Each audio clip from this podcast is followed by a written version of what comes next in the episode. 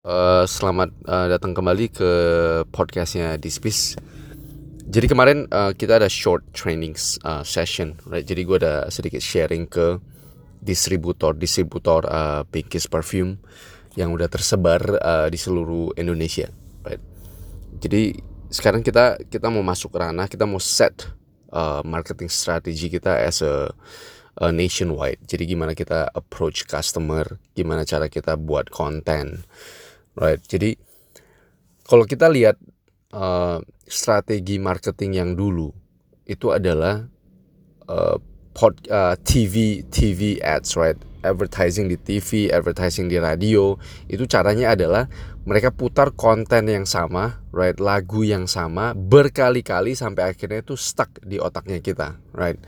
Kayak lagu Aqua gak tau dulu teman-teman masih inget gak right yang yang sampai sampai sekarang itu stuck masih stuck di otaknya gue that's uh, itu strategi marketing yang yang yang jitu tapi mahal. Karena kita harus run advertising after advertising after advertising berkali-kali. Dan datanya itu uh, gua gua lihat uh, gua nonton right? Gue lupa gue sumbernya dari mana. Tapi berdasarkan market research itu uh, sekarang kita butuh 20 kali diputar baru bisa stuck, baru orang itu merasa familiar uh, untuk beli uh, produknya kita dengan strategi itu. Nah, jadi terus kita uh, kembali lagi lihat uh, new school of thoughts, right? Uh, marketing strategi yang baru itu gimana? Kalau teman-teman perhatiin uh, Facebook, kenapa Facebook itu besar di Facebook group, right? Kenapa mereka itu fokus uh, membuat grup-grup?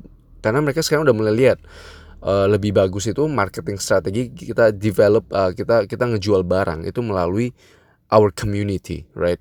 Jadi kita itu harus menjadi uh, satu voice of authority.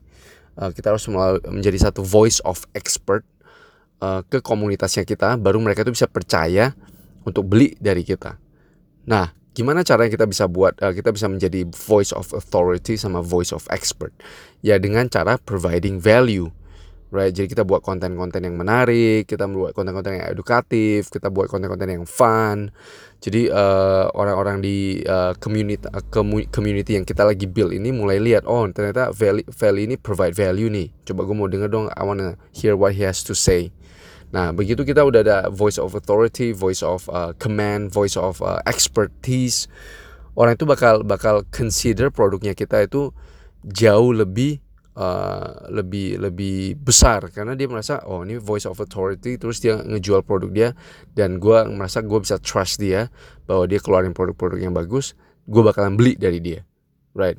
Jadi strategi yang menurut gue lebih jitu uh, dan nggak nggak memakan biaya yang mahal itu cuma memakan tenaga kita sama energi kita sama uh, konten uh, maksudnya kemauan kita untuk bikin konten right So it's not expensive. It's not an expensive marketing uh, strategy.